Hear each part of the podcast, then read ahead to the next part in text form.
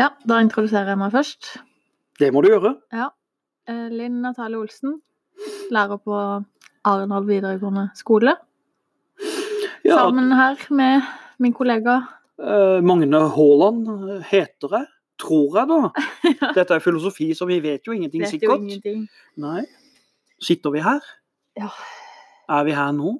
Og navn er jo bare en konstruksjon. Det er det. Det, det kan bare være Vi kunne godt bytta navn, Ja. for den saks skyld. Ja, filosofi er, eh, er eh, spenstige saker. Hva var det du skulle snakke om i dag? I dag er det mm, kjærlighet og eksistensialisme. Mm. Og eksistensialisme syns i hvert fall er, er ganske vanskelig. Mm. Så um, først så er det sånn Hva kan man liksom si eksistensialisme er for noe?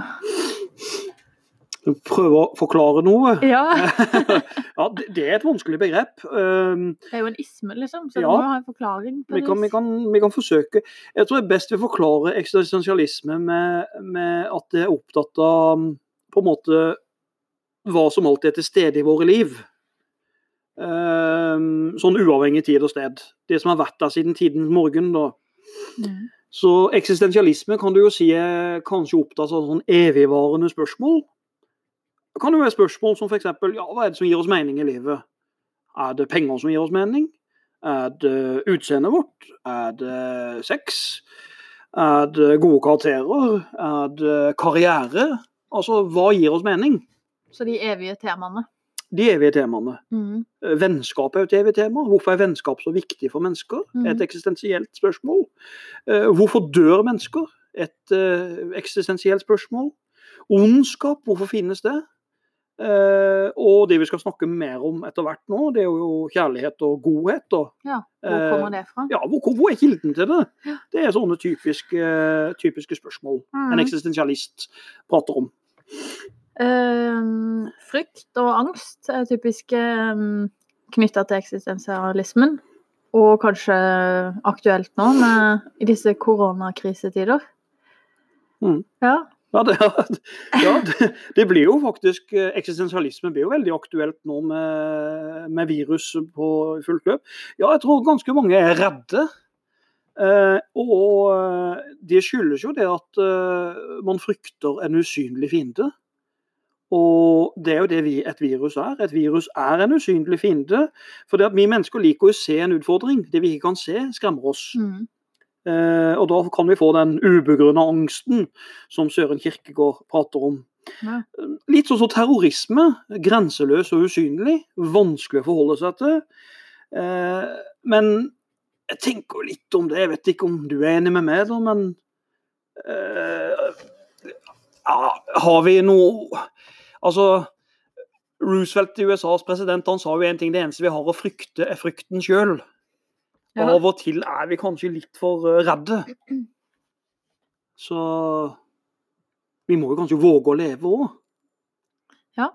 I eh, Gøyeste syns jeg er å se hvordan, hvordan folk reagerer så forskjellig da, på den frykten. mm, Vi, eh, jeg og mine søstre vi har, vi har fabulert om at vi egentlig bare er som deltakere i en sånn et eh, globalt gameshow der de skal sjekke hvem som er ikke-egoistiske. Og de som ikke er egoistiske, de er videre til neste runde. Så vi driver nå med sånn her eh, Hvis vi ser noen handler liksom tre, tre pakker dopapir på butikken, så er det sånn ah, de er ikke videre til neste runde. ja, så, det, så, så dette her viruset det på en måte selekterer ut, eh, ut de onde, egoistiske menneskene. Ja. Ja. Ehm, hvorfor liker du egentlig filosofi eh, som fag, Magne? Fordi jeg slipper å jobbe så mye. Det vel, vi kan prate om hva vi vil av temaer. Seriøst da. Det er, ja, det er et veldig behagelig fag å undervise i og Ja. prate om. Avslappende. Vi kan ta alle temaer vi snakker om. Her en time så begynte vi å diskutere sminke med noen elever, f.eks. Eh, alle mulige rare sminker, hva er vakkert. Og, eh, men litt mer seriøst så liker jeg filosofi mye fordi at de stiller spørsmål ved etablerte sannheter. Mm. Og det er eh, ganske viktig i vårt samfunn. For I vårt samfunn så er vi veldig frie for autoriteter. Vi Kirka har mindre makt, skolen har mindre makt, foreldre har mindre makt. Men, men har vi egentlig fått mer makt? Det tviler jeg litt mer på. For det er en del etablerte sannheter som ingen tør å stille spørsmål ved. Og det skal filosofien som fag gjøre. Den skal tørre å stille spørsmål. For eksempel, å ta noen raske eksempler, det kan jo være Søren Kirkegård stilte jo spørsmålet hvorfor gifter vi oss? Er det ekte kjærlighet, eller er det en tvangstrøye? Eller er det frykt for det at vi skal være ensomme? Mm. Eh, hvorfor skal vi egentlig drive og ta utdannelse? Er det veien til lykke? Eh, noen filosofer har jo til og med bala med spørsmålet kan vi forstå rasisme, som er ganske drøyt i manges øyne og ører. Og global oppvarming, er det et fakta? Det kan jo virke sånn, men det er ikke alle som er enig i det òg. Og finnes det ekte vitenskap? Altså Det er sånne typer spørsmål da, som man må våge å tørre å stille. Mm. Så det, jeg tror det, det er viktig at folk tenker. Men samtidig så må jo ikke folk tenke for mye heller, da. Nei. Det er litt viktig òg, for da kan du bli litt spesiell. Ja. Så mei- hva som er meninga med livet? Det er sånn typisk eh, eksistensialistisk spørsmål. Eksistensielt spørsmål. Mm -hmm. uh, hva mener du er meninga med livet? Uh, Ja, hadde jeg visst det, da. Hadde jeg visst det, så hadde jeg hatt eh, fullstendig lykke hver dag, kanskje. Ja. Og det har jo ingen. Men vi skal vel kanskje ikke ha det heller, da. Fullstendig lykke hver dag, for vi må jo ha noen utfordringer òg. Men eh, kanskje et svar på meninga altså det er jo avhengig av hvem du spør, da.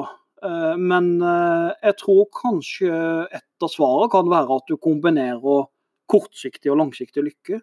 Kortsiktig lykke kan jo defineres som det som gir deg umiddelbare gode opplevelser. Mm.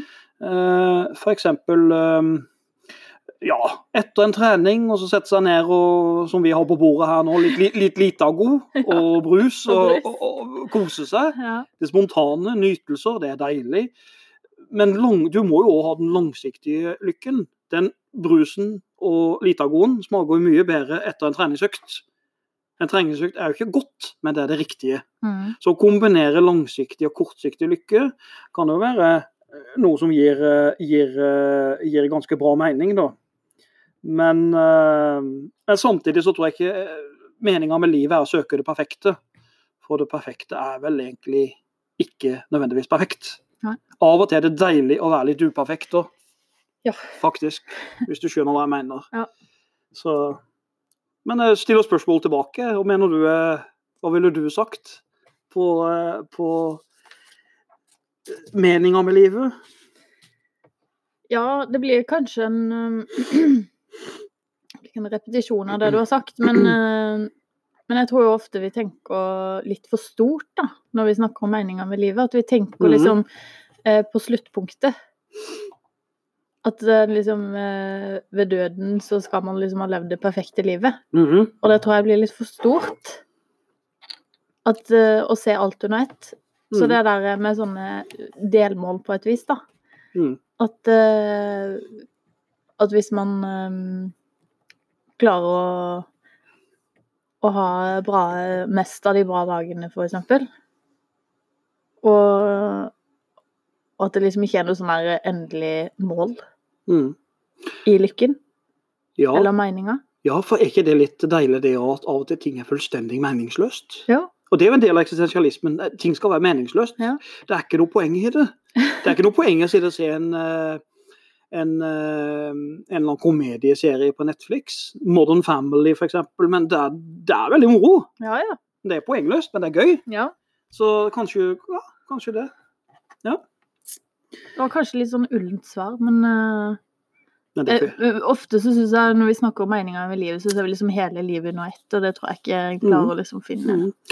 min, på. min mor pleide å si det til meg at uh, hvorfor skal du være lykkelig som uh, du, du, kan være, du trenger ikke være lykkelig som stor, du kan være lykkelig som liten. Ja. Og det er et lite poeng. Når du ikke får til noe, så kan det være god trøst. Ja. så, Og så er jeg veldig enig i det der at, eh, at hvis man ikke har noe av de dårlige dagene, f.eks., så vil man jo heller aldri kjenne på lykke, tenker jeg. For da, da vil man ikke kjenne forskjell. og akkurat det er poenget til Fredrik Nietzsches Ja. filosofi. Han mener uten dårlige dager, uten dårlige tider, så kan du aldri oppleve lykke og kjærlighet. Du må ha kontrastene for å forstå ting. Mm. Altså, det er noe eh, Det er derfor sweet and sour er så vellykka i mat. Du må ha begge smakene. Eller Smash. Eller Åh, Smash. Ikke nevn Smash til en mann på 110 kilo. Det passer seg svært, svært dårlig. Nei, men jeg vil jo ellers bare si veldig kjapp kommentar. da. Altså, når man snakker om hva som alltid er til stede i verden, og som er evig uforanderlig, alt det som er der, så er det jo igjen, hvis jeg går litt utenfor min mening, Mm. så vil jo en del filosofer ha en del andre meninger. Jeg skal ta, jeg tar veldig raskt om det. Fordi at, uh, Hva er det som alltid er til stede i verden? Og, og det eksistensielle, så vil jo Tals si vann. Mm. Den gamle grekeren. Han ville sagt at vann finnes i alle former, vann er greia. Eh, Demokrit eh, mente jo atomer, ikke sant? Eh, Kant, Immanuel Kant, eh, med sin Aspergers og flosshatt, eh, var jo veldig opptatt av menneskelig fornuft som det eksistensielle. Mm. Eh, Descartes mente du skulle tvile på alt. Stakkars fyr. Ja. Forferdelig slitsomt. Han kan ikke leve greit.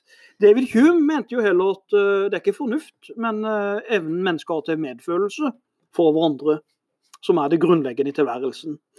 Eh, Kirkegård mente jo at livet er stort sett meningsløst. Så det var han, veldig negativ. Sokrates ville jo snakke om naturretten. Habermas, Jørgen Habermas var opptatt av dialog. Det beste som kan skje mellom mennesker, det er, det er likeverdig dialog.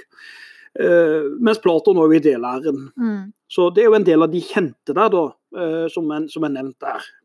Ja. Ehm, kan du forklare hva Sartre mener med at mennesket er født eh, Nei, dømt til frihet. Ikke født, men dømt. Ja for, ja, for Sartre er jo en av disse her eh, opplysnings... eh, nei, unnskyld, eksistensialistfilosofene. Ja. Forresten, han var litt andre, ja? Jeg synes jeg bilder han. Øynene går i alle retninger. Og så var han sexgal. Han var, eh, han var sammen med tidenes største feminist, Simone Beauvoir. Jeg kan ikke uttale Beauvoir? ja, Beauvoir, Beau- Hva sa du? Beauvoir? Beauvoir. Ja, min fransk er kjempegod. Ja, tenk det, at han var det, og så sammen med henne. Det helt Jo, ja, det er rart. Men de hadde en sånn her eh, Hva er det kalles når flere møtes? Orgi? Ja, kall det det. Uff da, uff da. Men Sartre sa dømt til frihet. altså Sartres begrep 'dømt til frihet' er interessant. for Det at eh, det var vel noe han skrev i en bok som heter 'Væren og intet'. Og 'dømt til frihet' det betyr at eh, mennesket har alltid muligheter til å gjøre valg. Mm. Vi er frie, og vi kan alltid gjøre valg i livet. Eh, Og det høres jo positivt ut, men Sartre er litt negativt til det. For det at problemet med de valgene er at det finnes ingen fasitsvar hva som er det riktige valget. Mm. Det kan like godt være like lurt å gå på kino med, med sine venner som å hjelpe bestemora si å slå plenen. Det er ikke noe fasitsvar i tilværelsen. Det finnes ikke noe kjærlighet, det finnes ikke noe omsorg, det finnes ikke noe iboende verdier i mennesket. Man er bare rett og slett bare dømt til å ta valg.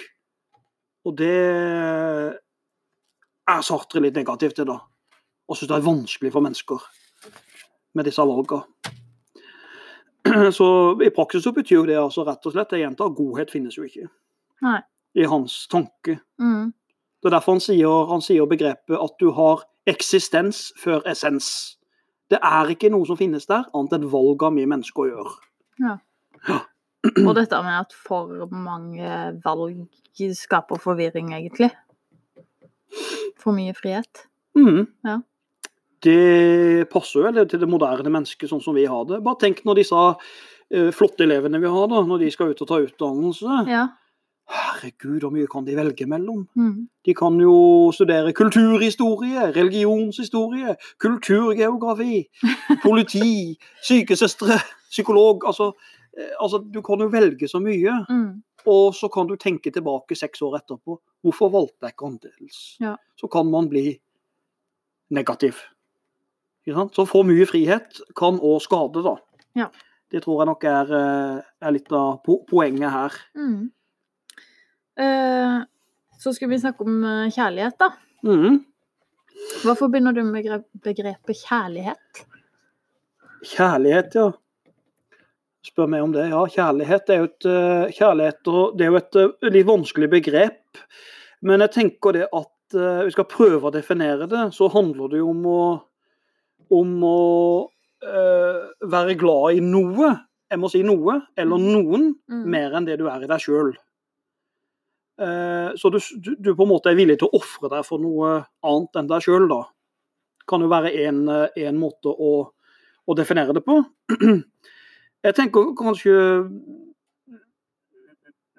Det har jo vært et eksistensielt spørsmål siden tidenes morgen. ikke sant? Altså, Du har jo da i eh, ja, I gamle Hellas så hadde du Afrodri, af, Afrodite. Mm. Eh, romerne hadde Venus.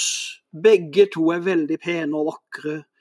De er så pene og vakre at de må giftes bort, for de skaper så mye konflikter. Mm. Eh, mens Eros derimot, som nå er kjent Eros, er ikke så vakker, men veldig interessant og spennende. Ja. Så da kommer liksom inn det spørsmålet der eh, Hva er liksom vakkert, hva er kjærlighet, hva er det bra her, da? Men jeg tror egentlig at veldig mye av kjærligheten kan du òg spore i filmindustrien, da. Tenker jeg, Som sikkert en del kjenner bedre til enn disse Ja. gamle grekerne og romerne. ja. For eksempel eh, ja, skal si, eksempel på filmer har vi Hva er det mest kjente kjærlighetsfilmene? Nei, nå ble det jo Nå tenker jeg sånn ofre, seg sjøl for noen. Da er jo, det blir jo Titanic da ofte. Ja. Ja. Som det, den ultimate Ja. kjærlighetsfilmen. Titanic er den ultimate, helt klart. Ja. Klasseforskjeller mellom disse to. Ja. Og eh, DiCaprio ofrer seg for, for eh, Rose ute i vannet der, ja. ja, ja, ja. Han, eh, han gjør det. Og den her mm, kjente notebook òg, da. Ja. Som jeg er blitt tvunget til å se en del ganger. Den, den er jo òg ganske Tvingt og tvingt, jeg syns jeg. Hørte å si at, si at du får litt tårer i øynene. OK. ok. Ikke si det her. Men det er en veldig god film, Notebook. For Ja. at jeg liker så godt den kvinnelige karakteren som heter Ellie der. Mm. Eh, Og spilt av Rachel McAdams, forresten. Undervurdert flott dame. Mm. Veldig lav. Eh, Men Rachel, altså, hun i den filmen er veldig interessant når det gjelder kjærlighet og omsorg. For hun forsøker hele tida å gjøre det rette. Mm. Hun er egentlig på vei til å gifte seg med en annen mann, men er forelska i en annen en. Og så eh, må hun da kombinere Hun følger ikke bare følelsene, hun må kombinere fornuft og følelser. Mm. Og det er kanskje den rette måten å gjøre. På en måte være omsorgsfull da i livet, og kombinere følelser og fornuft. Eh, Men hun er jo kanskje, hva kan man si, dømt til frihet ved at hun har valget. ja. Og ingenting Vet du hva, det er et godt eksempel fra Sartre, tenker jeg. Mm. Og ingen av de, altså Uansett hvilket valg hun godeste Rachel McAdams gjorde der Mm. i, i, i, eh, i, eh, i den filmen, de blir, ett av de blir feil. Mm. Du vil såre noen. Så hun måtte bare forsøke å balansere det. Ingenting er riktig. Det var ikke For å si det sånn Det rette i livet og det gode i livet, ifølge en Sartre, da, så har egentlig ikke livet noen oppskrift å gi deg. Oppskriften må du finne sjøl. Mm. Det er ikke noen kokebok hva som er rett og galt. Du må finne ut av det sjøl gjennom valg. Rett og slett. Mm. Så, men ellers så, så er det jo masse andre gode filmer og bøker. Jojo Moyes, eksempel. Et halv, helt halvt år. ikke Ja, sant? jo. Det er veldig bra, den òg, da. Så det er mange sånne. Romeo og Julie, vi kunne nevnt mange her. Ja, ja, ja. Det er jo de evige temaene vi er opptatt av. Mm, er de evige temaene, helt klart. Mhm. Eh, men sånn som dette med å ofre seg sjøl for andre og gjøre det beste for eh, andre, er det sånn at du ser på kjærlighet som altruisme? Om vi ser det som alturisme, ja. Ja, alturisme, det er jo et eh, Ja, det er jo egentlig Alturisme går jo på at du ofrer deg sjøl uten å få noe igjen. Mm. Det er jo en tanke der. Eh, så du, spurte meg nå om, synes, om kjærlighet og alturisme er det samme? Ja. Uff, forferdelig godt spørsmål. Jeg vet ikke. Men jeg tenker både ja og nei, for det at eh, Kjærlighet er jo òg antialturisme, med at du får en eiertrang. Mm. Kan, du kan jo få en eiertrang til noe, eller noen. Ja. Eh, og man gjør jo mange handlinger for å kunne styre og dominere andre, kanskje. Ubevisst. Eller bevisst òg. Mm. Men alturisme er jo det øverste nivået der man ofrer seg for noen. Ja. Uh, F.eks. en mor som ofrer seg for å redde sin unge. Mm. Det er alturistisk. Du får ingenting igjen for å gjøre en god handling. Det er jo alturisme. Ja. Og det ligger jo iboende i mennesket, da, ville Sokrates sagt. Ikke sant, for eksempel. At det ligger noe godt i mennesket. Altså samvittigheten, da. Ja. Den ligger jo kanskje iboende i mennesker. Jeg tror alle mennesker har samvittighet. En eller annen grad av det har de det. Mm.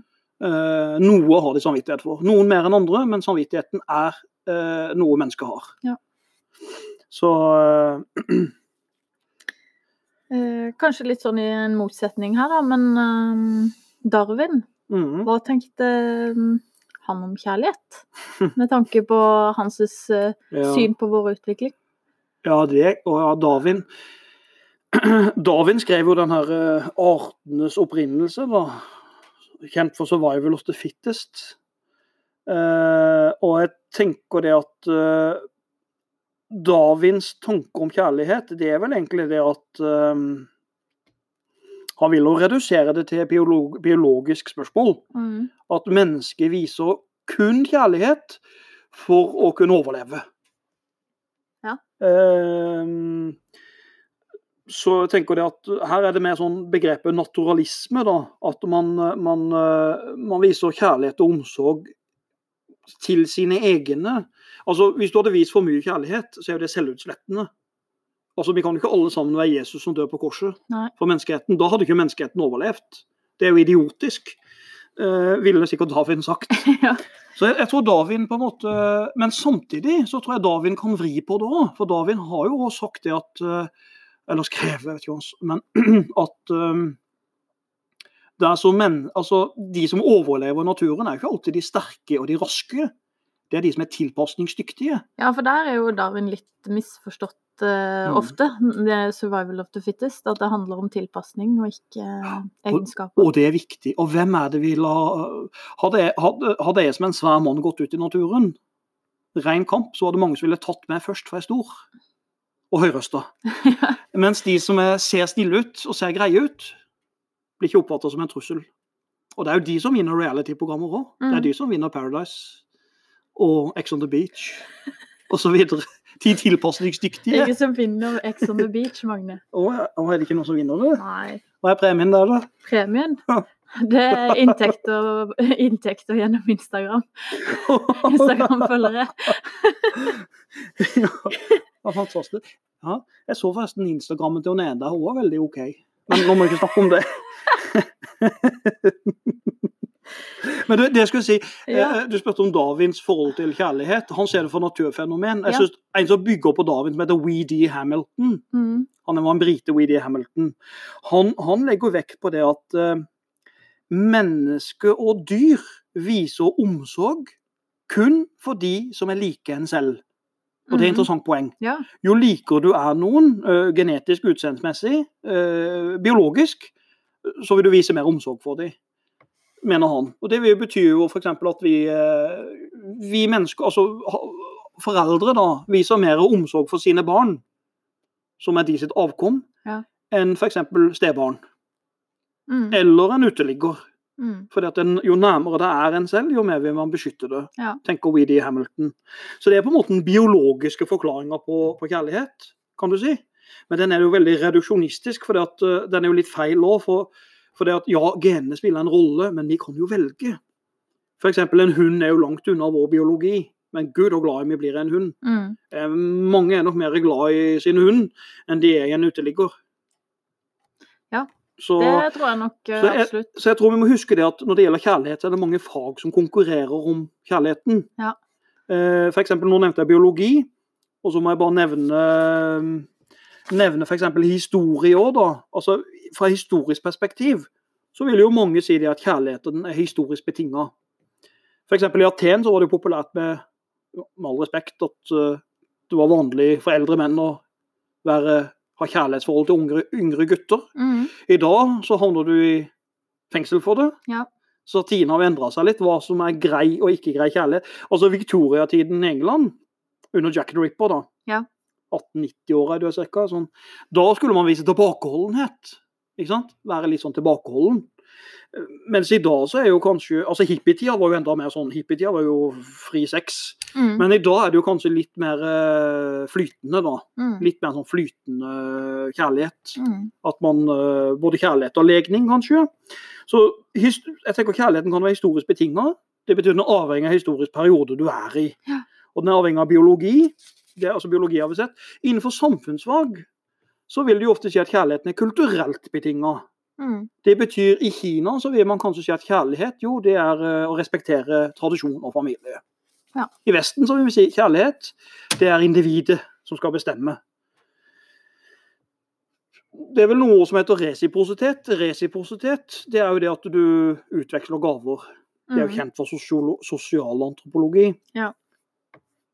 Altså heter 'jeg klør deg på ryggen, og du klør Nei. ja, på ryggen'. Det er jo litt sånn. Så det betyr at uh, en sosialantropolog vil jo si at kjærlighet, jo det er uh, Noen er gode mot deg, og du forventer noe igjen. Altså kjærlighet blir sett som en byttehandel, da. Eller som parterapeuter ville sagt, gi og ta. ja, ikke sant? ja, ja. Så det, det kan være poeng. Psykologi Ja. er jo veldig spennende innenfor kjærlighet. Uh, for Sigmund Freud er jo ganske nærme Darwin. Sigmund Ja. Freud er jo litt sånn eh, negativ til mennesker på en del områder. Ja. Han så jo egentlig litt negativt til romantisk kjærlighet, for han mente at eh, kjærlighet handler mer om menneskets behov for trygghet. Og at vi egentlig er redde for å være alene. Derfor har vi oppfunnet kjærlighet. For å unngå noen tvangsnevroser og være alene. Ja. Det er negativt, da. Ja. Dystert. Det er bare en medisin. Ja, egentlig. Sier mannen som på en måte røykte vekk hele kjeven sin. Ja. Han var storrøyker. Så, eh, så det var litt sånn, eh, litt sånn spesielt, eh, spesielt syn. Ja. Um, René Spitz uh, han viste til at barn døde under, under andre verdenskrig fordi de ikke fikk nok kjærlighet. Og det er jo kanskje sånn litt kontrast til i hvert fall det vi for forrige spørsmålet med Darwin. Ja, ja, absolutt. Absolutt.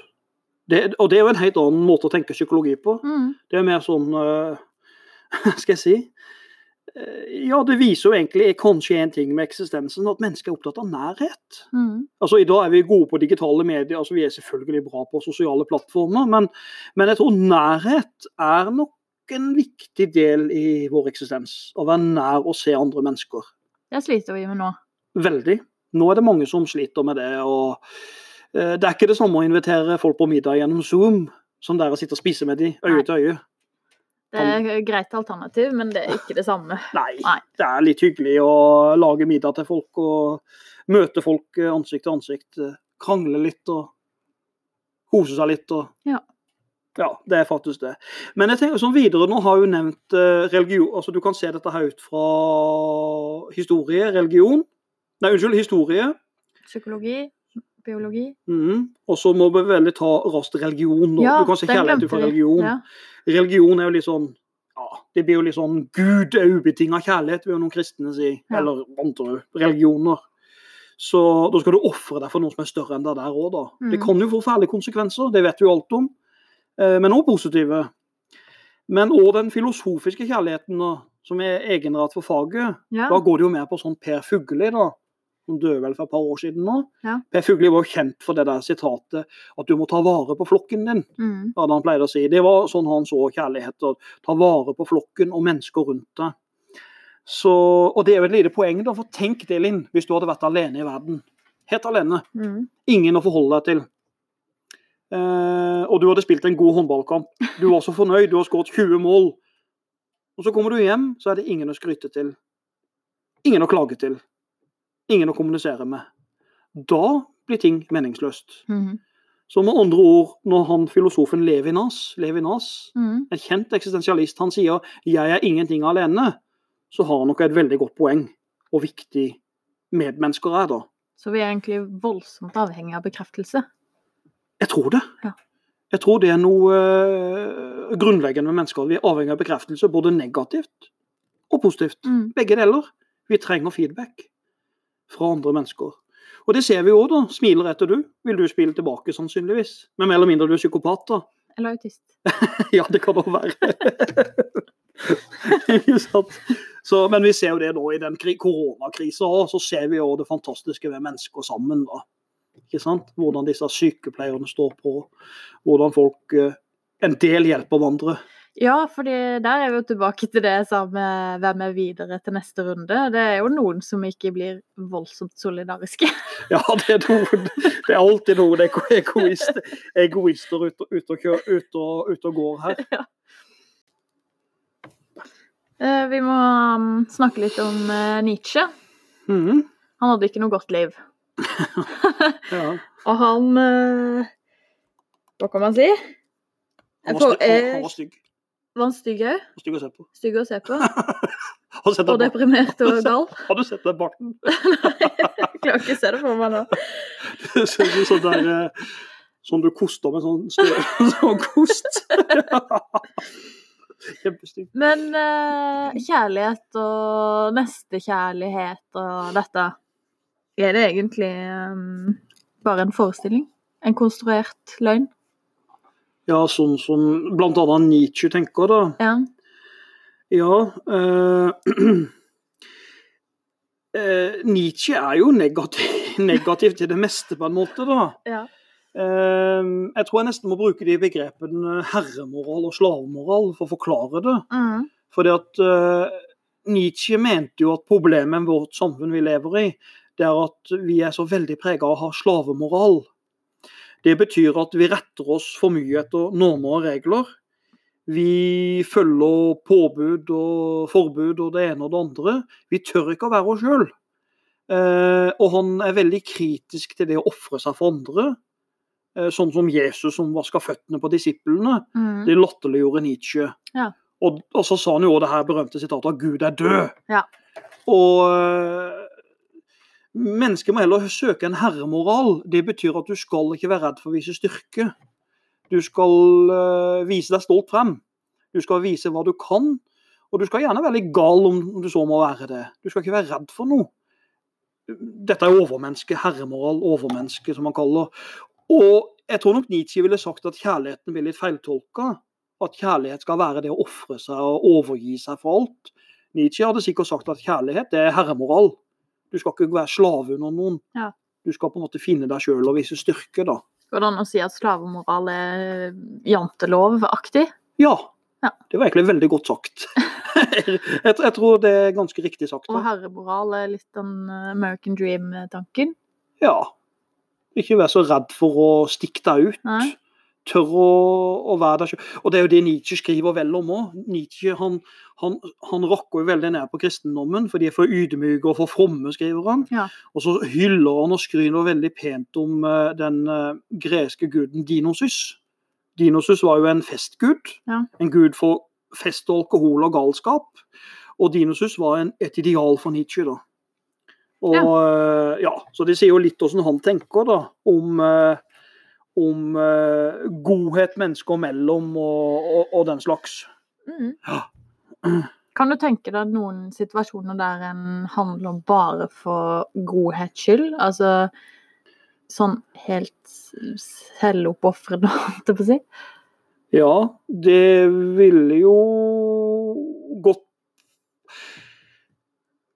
Det ville jo gått veldig på tvers av hva både Nietzsche og Sartre ville ment. for å si det sånn. Men, men ja, jeg mener at det finnes det. Nå er jeg ikke noen så stor romantiker, men jeg syns at er det en krise, så ser du Sånn som nå. Mm. Da ser du det beste i mennesker, Ja. men òg det verste, da. Mm. Du ser begge deler. Jeg tror mennesket er tosidig. Eh, ja, her om dagen så eh, kom det jo frem en reportasje med en som sto og slikka, slikka på knappen i en heis for å smitte andre. Ja. Det får vel si er det verste. Um, men samtidig så ser jeg en fyr i Arendal som står og spiller uh, gratiskonserter. Uh, What a wonderful world osv. Det er jo Mm. litt rørende, da, det der. Men la oss si mødre som går langt for å redde sine unger, da. Et godt eksempel, syns jeg. Ja. Det har vært sånn skytetragedier i USA på, på skoler og kirker. Så finner de ofte da mødre som har på en måte blitt skutt, for de har uh, brukt kroppen som skjold for å redde egne unger. Mm. Eh, I utgravningen i Pompeii, du kjenner til Pompeii, gjør du Ja, ikke ja, det? Ja. Den der eh, eh, Jeg husker jeg har sett eh, det, det bildet som du sikkert skal referere til. Og da tenker du på Ja, en, som, en mor som har, eh, holder et barn. Ja. Akkurat det, så er de, forste, altså de er forsteina, er det ikke det det kalles? Størkna. Så kan du se konturene av en mor som forsøker å beskytte sin, sin, sin unge i, eh, blant denne eh, lavaen. Mm. Så det er jo helt utrolig. Du ser det jo i dyreverdenen nå. Det var sånn tull jeg så på YouTube, var det lille ekorn som gikk til angrep på en svær slange for å beskytte sitt avkom. Ja. Men jeg tenker mest kjente episoden på sånn godhet og kjærlighet, og de må jo være Max Wilhelm Kolbe, navnet Kolbe i Auschwitz. Ja.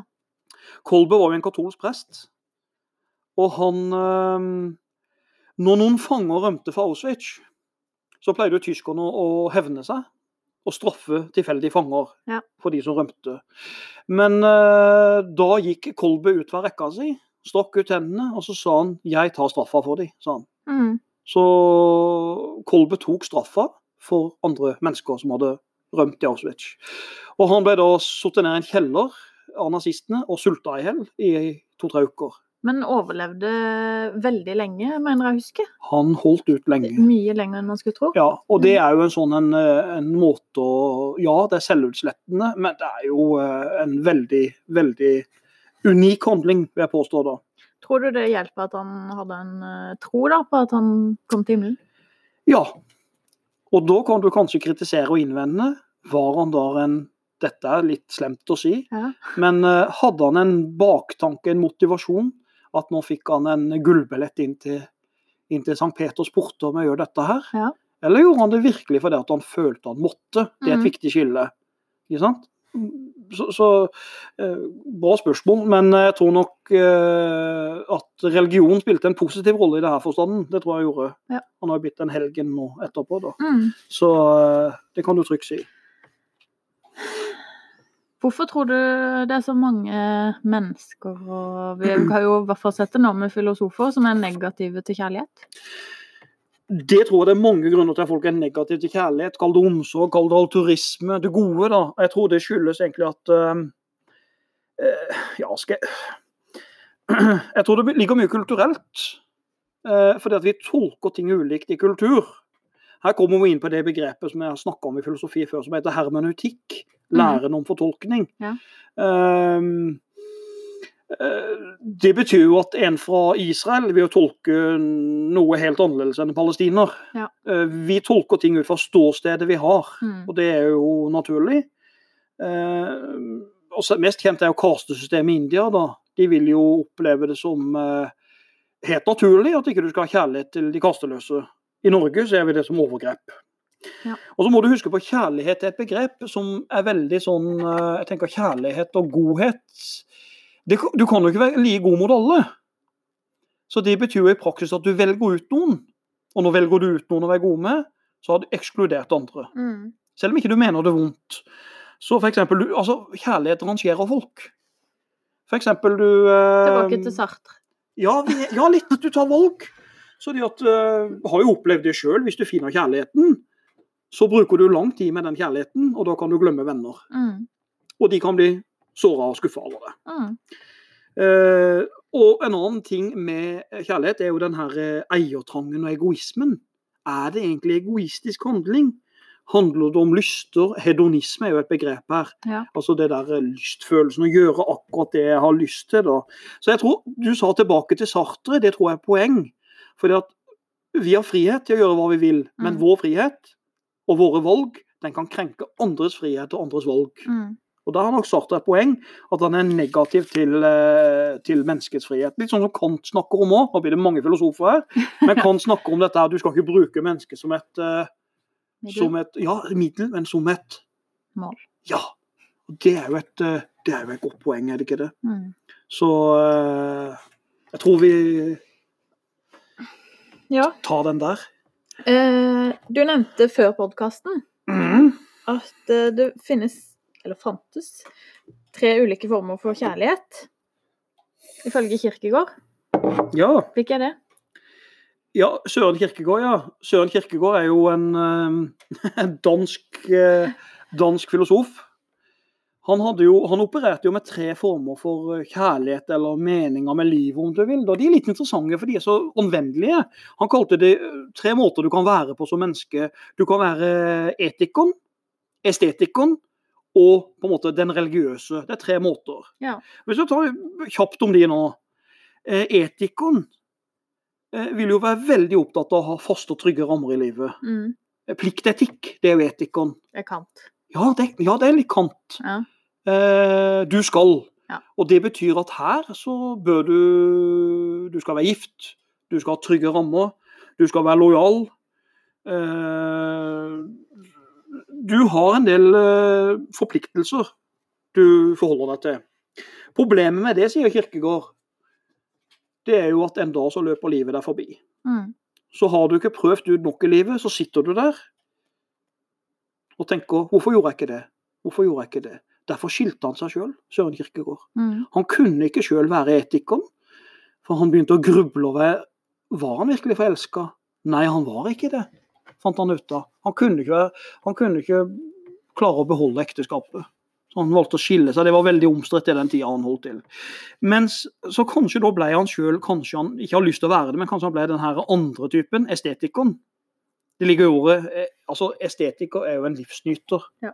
Da er du eh, spontan, du er kreativ, og du jakter hele tida nye ting, da. Du er veldig redd for faste forbindelser, og du er veldig Du bytter mye på folk. Eh, og da får du opplevd mye. Men det negative her nå, da blir jo livet som et skuespill. Du kommer aldri nært noe. Eh, og du kan virkelig få angst, altså.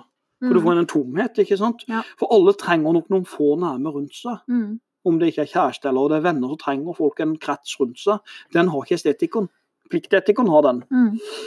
Eh, så jeg tenker kanskje estetikeren er det moderne mennesket. Kanskje det er eh, folk flest i dag. Mm. Mens de eldre generasjoner ofte har en tendens til å være etikeren, Ja. tenker jeg da. Sånn som mine foreldre som var gift i nesten 50 år. Det er lenge. Mm. ikke sant? Det siste stadiet han har, det er jo det religiøse. Og eh, her er jo Kirkegård eh, ganske streng i meninga. Han mener det at mennesket må overgi, sin, overgi seg til noe som er større enn seg sjøl, for å finne mening. Mm. Den er kanskje litt drøy, da. Den er kanskje litt drøy, for det er jo ikke alle som altså, tror på Gud. Hvis ikke så får du angst og lidelser og problemer. Så eh, du skal på en måte ofre deg for noe som er større. Ja. Og det kan jo være skummelt. Ikke sant? Det kan jo det. Ja, ja. Ja. Behovet Men han mener det at de har liksom det behovet for at det finnes noe større enn en sjøl, da. Ja, Ja. jeg tror det er det det går på. Vi Mm. kan jo se det hvis det er en ulykke Ja. eller det skjer noe negativt, så vil vi ofte 'Å, Gud!' vil vi rope. Eller, altså. Ja. men, men det er en drøy påstand. For det er klart at det er farlig. I kristendommen så kommer den Abraham-historien frem. Ja. Abraham drar jo på fjellet for å ofre seg for Isak. Ikke sant? Han skal jo ofre altså, Ikke ofre seg, han skal ofre Isak.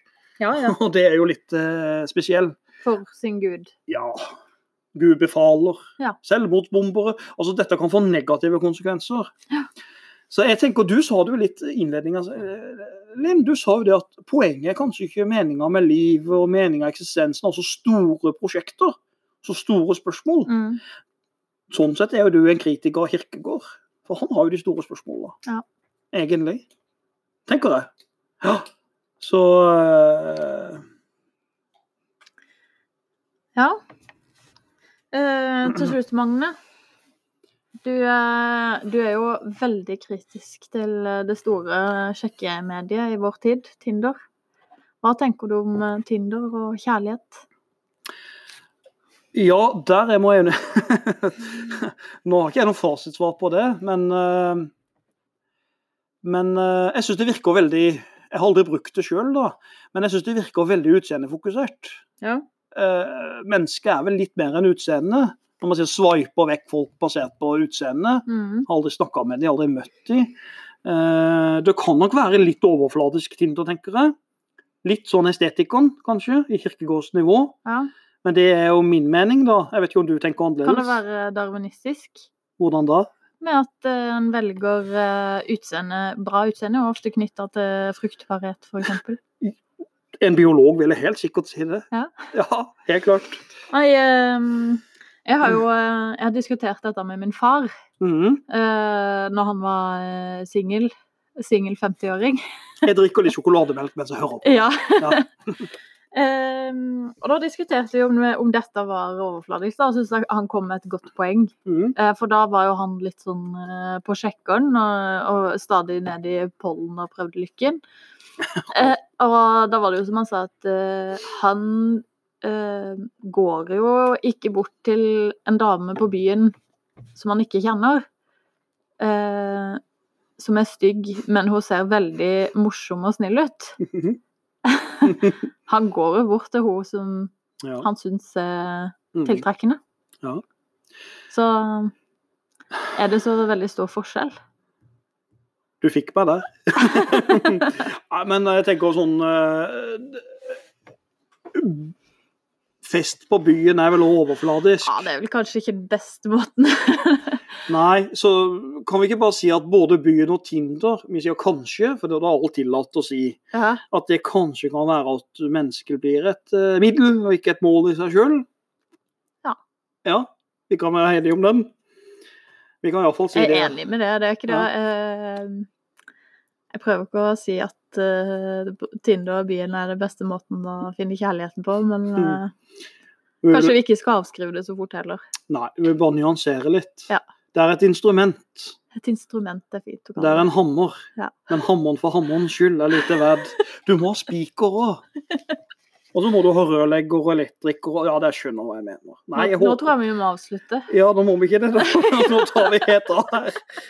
Men jeg tror eh, Men det var i hvert fall en del av kjærlighet. Jeg håper i hvert fall uh, lytterne har hatt stor glede av det. Jeg tror nok. Ja. Ja. Skal vi si takk for i dag, da? Ja, takk for i dag. Hei hå!